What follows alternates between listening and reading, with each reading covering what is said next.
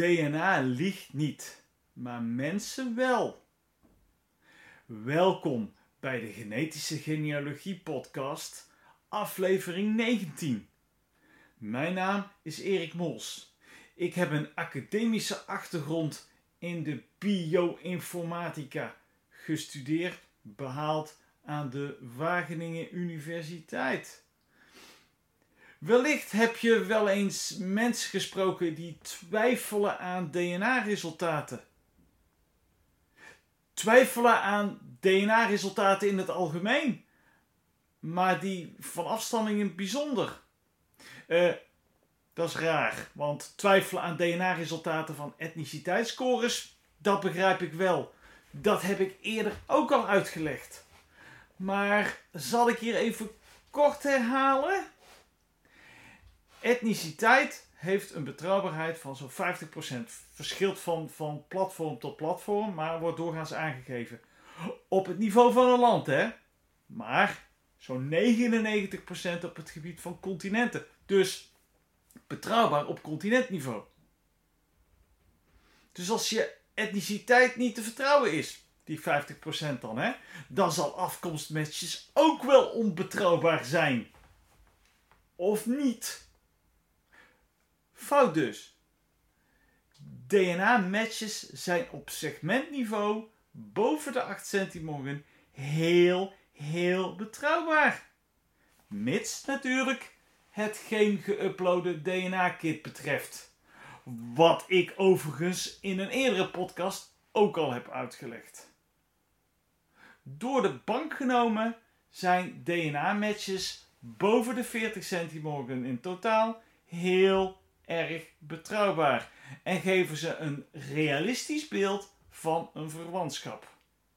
Tenminste, wanneer we spreken over DNA-testen afgenomen met kits van de bekende genetische genealogie slash genealogiebedrijven zoals Ancestry, MyHeritage, 23andMe, Living DNA, Family Tree DNA en een uh, Next Generation Whole Genome Sequencing bedrijf als ISAC.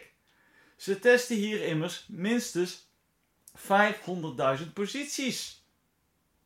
Wanneer het echter gaat over DNA-onderzoeken met betrekking tot vaderschap, paternity genoemd, hè, of andere verwantsbaarheidstesten, waar ze seks kijken naar zo'n 20 tot 30 uh, short tandem repeats, oftewel STR-gebieden, is de betrouwbaarheid minder groot. Vooral wanneer het gaat om bijvoorbeeld broer-zus testen. Het testen van vader-kind is wel betrouwbaar. In ieder geval betrouwbaarder. En wil je daarbij de betrouwbaarheid begroten, test ook de moeder mee.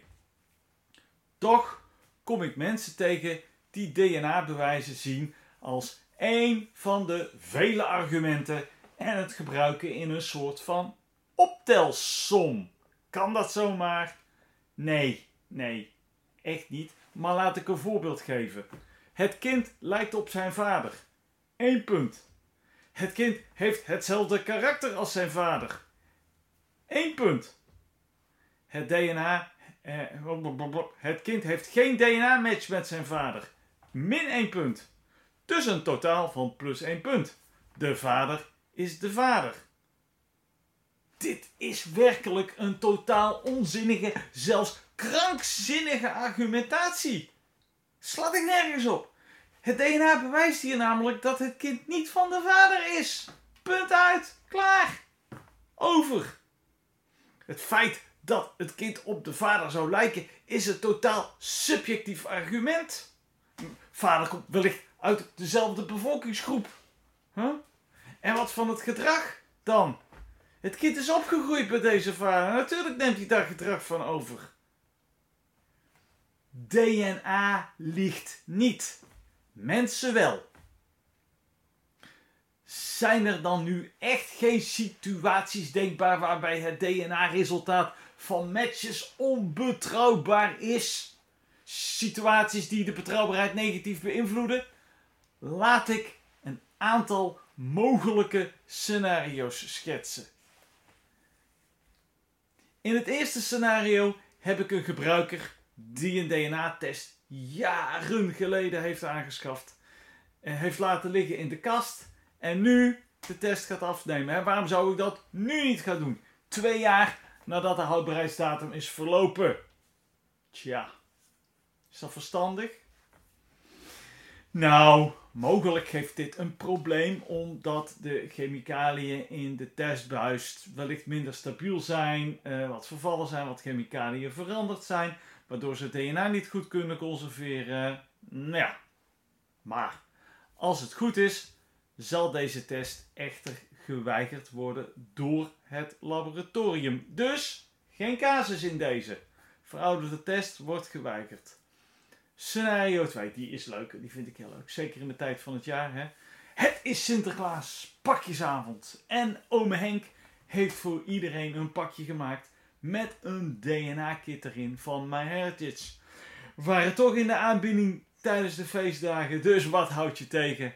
Doe ome Henk na. Ga eens lekker wat DNA-tests kopen. De alcohol heeft rijkelijk gevloeid. De kinderen liggen in bed. En rond een uurtje of elf slaat de hele meute aan het testen. Pakjes worden opengemaakt. Uh, en nu ontstaat er een situatie dat er wel degelijk wat mis kan gaan. Iedere kit bestaat immers uit twee buisjes en twee wattenstaafjes. Een verwisseling is zo gebeurd. En voordat je het weet, is een wattenstaafje van Tante Truus eh, ook in de mond bij ome Henk behandel, uh, beland. En dus door twee personen gebruikt. Wat tot een interessant resultaat zou kunnen leiden. En zelfs met alle relaties die er zijn, alle andere resultaten zou kunnen beïnvloeden. Nee. Wat mij betreft wordt er slechts één persoon tegelijk getest. Laten we gaan kijken naar mijn derde scenario. Het scenario van de overactieve oom. In dit scenario speelt een genealogie-oom een grote rol. Hij wil heel graag de hele familie bemonsteren. Heeft alle DNA-kits gekocht en gaat alle familieleden af. Kopje koffie, appelflapje erbij, Bramelse broeder wellicht. Maar omdat hij de wattenstaafjes hanteert en de buisjes, bestaat er een kleine kans dat hij eigen DNA-materiaal verliest in één buisje. Huidschilfers, haren. Hangt natuurlijk wel van zijn handelingen af en in hoeverre hij gewend is met dergelijke experimenteel materiaal om te gaan. Let wel, dit is normaal. Iedere mens laat DNA-sporen achter in zijn omgeving. Dus het risico bestaat dat, dat deze oom ja, het, het uh, verpest. Scenario 4. En in dit vierde scenario focus ik me meer op de verwantschapstesten, die vaak draaien om een bloedafname. Nou, in wezen kan dat, omdat het in een gecontroleerde omgeving gebeurt, niet misgaan. Tenzij, tenzij natuurlijk, een van de personen die test niet de persoon is die zou moeten testen. Omdat men uh, bijvoorbeeld geen vader wil zijn van een kind en zijn broer heeft gestuurd slechte controle, bla bla bla, het gaat mis. Over het algemeen kunnen we dus stellen dat DNA-bewijs kei en kei en keihard is. En dat DNA niet ligt. Bovengenoemde scenario's natuurlijk uitgesloten. Toch wil ik hier nog wel een kleine nuance bij plaatsen. Een ongewenst DNA-resultaat kan natuurlijk erg pijnlijk zijn. Ook kan het gebeuren dat iemand in de familie zijn, haar vreemd gaan, tientallen jaren geleden heeft verdrongen. Ga dus altijd met respect met elkaar om en koop niet zomaar DNA-kits voor de hele familie. ga zeker, zeker geen mensen onder druk zetten om een test te doen. En dat kan natuurlijk best gebeuren in zo'n uh, familiaire eh, situatie met Sinterklaas. Waarbij eh, iedereen een prachtige kit krijgt. En dat er van iedereen verwacht wordt dat die gaat testen. Zie je dat oma aarzelt? Ze heeft er eigenlijk geen zin in. Waarom zou ze aarzelen? Ja. Maar laten we, laten we dan nog eens eventjes stilstaan. Er is een, stuk, een stukje ethiek hierbij. Hè? Want uh, wie, wie, is nou, wat is nou het belangrijkste? Is het belangrijkste de oma die aarzelt en die uh, twijfelt uh, op dat ome Henk wel ex van haar is? Hè? Want ome Henk wordt natuurlijk zelf het slachtoffer in dit scenario. Um, tja, of heeft ome Henk recht om erachter te komen dat tante Truus slechts een halfzus is? Wie heeft nu het meeste recht op? Ik vind in, uh, in, in, dit soort situaties altijd uh, dat het recht van het kind omtrent uh, het kennen van zijn, haar eigen afkomst altijd prevaleert boven dat van de persoon die het geheim wil bewaren, die niet wil dat het skelet in de kast gevonden wordt. Ja? Dit is denk ik mijn verhaal van vandaag over DNA liegt niet. En mensen wel. En nog een keer, ik zal het nog een keer herhalen. DNA liegt niet. Ja? Als het matches betreft boven de 40 centimorgen, zijn ze echt klaar over. De scenario's die ik hiervoor geschetst heb, zijn natuurlijk lichtelijk humoristisch, sarcastisch, uh, uit de context getrokken. Hè? Want ik, ik probeer me wel voor te, uh, voor te stellen hoe dat op zo'n Sinterklaasavond dan uh, teweeg gaat. Maar als ik dan door ga fantaseren, verandert het zelfs nog in een orgie. Dus laten we daar helemaal maar niet verder bij stilstaan. Dat is natuurlijk erg onwaarschijnlijk. En wanneer het gaat over een oom die iedereen gaat testen en DNA-materiaal verliest in de buisjes. Ja, dat is mogelijk. Zeker als hij een bepaalde uh, handeling uh, telkens zou herhalen. Hè? Stel bijvoorbeeld voor dat hij vindt dat er te weinig vloeistof in de buisjes zit en zelf in ieder buisje spuugt. Lijkt me zeer onverstandig om te doen, maar dat heeft natuurlijk enorme impact. Of uh, hij, hij is, met de wattenstaafjes gaat hij iedere keer, uh, uh, omdat hij een bepaalde handeling doet, raakt hij met die wattenstaafjes telkens zijn eigen wenkbrauwen. Ik, ik noem maar iets raars op, hè. Maar dan, dan zul je zien dat er een structureel element in zit. Waarbij hij dan structureel dezelfde fout maakt en telkens zo eigen DNA-materiaal uh, inbrengt.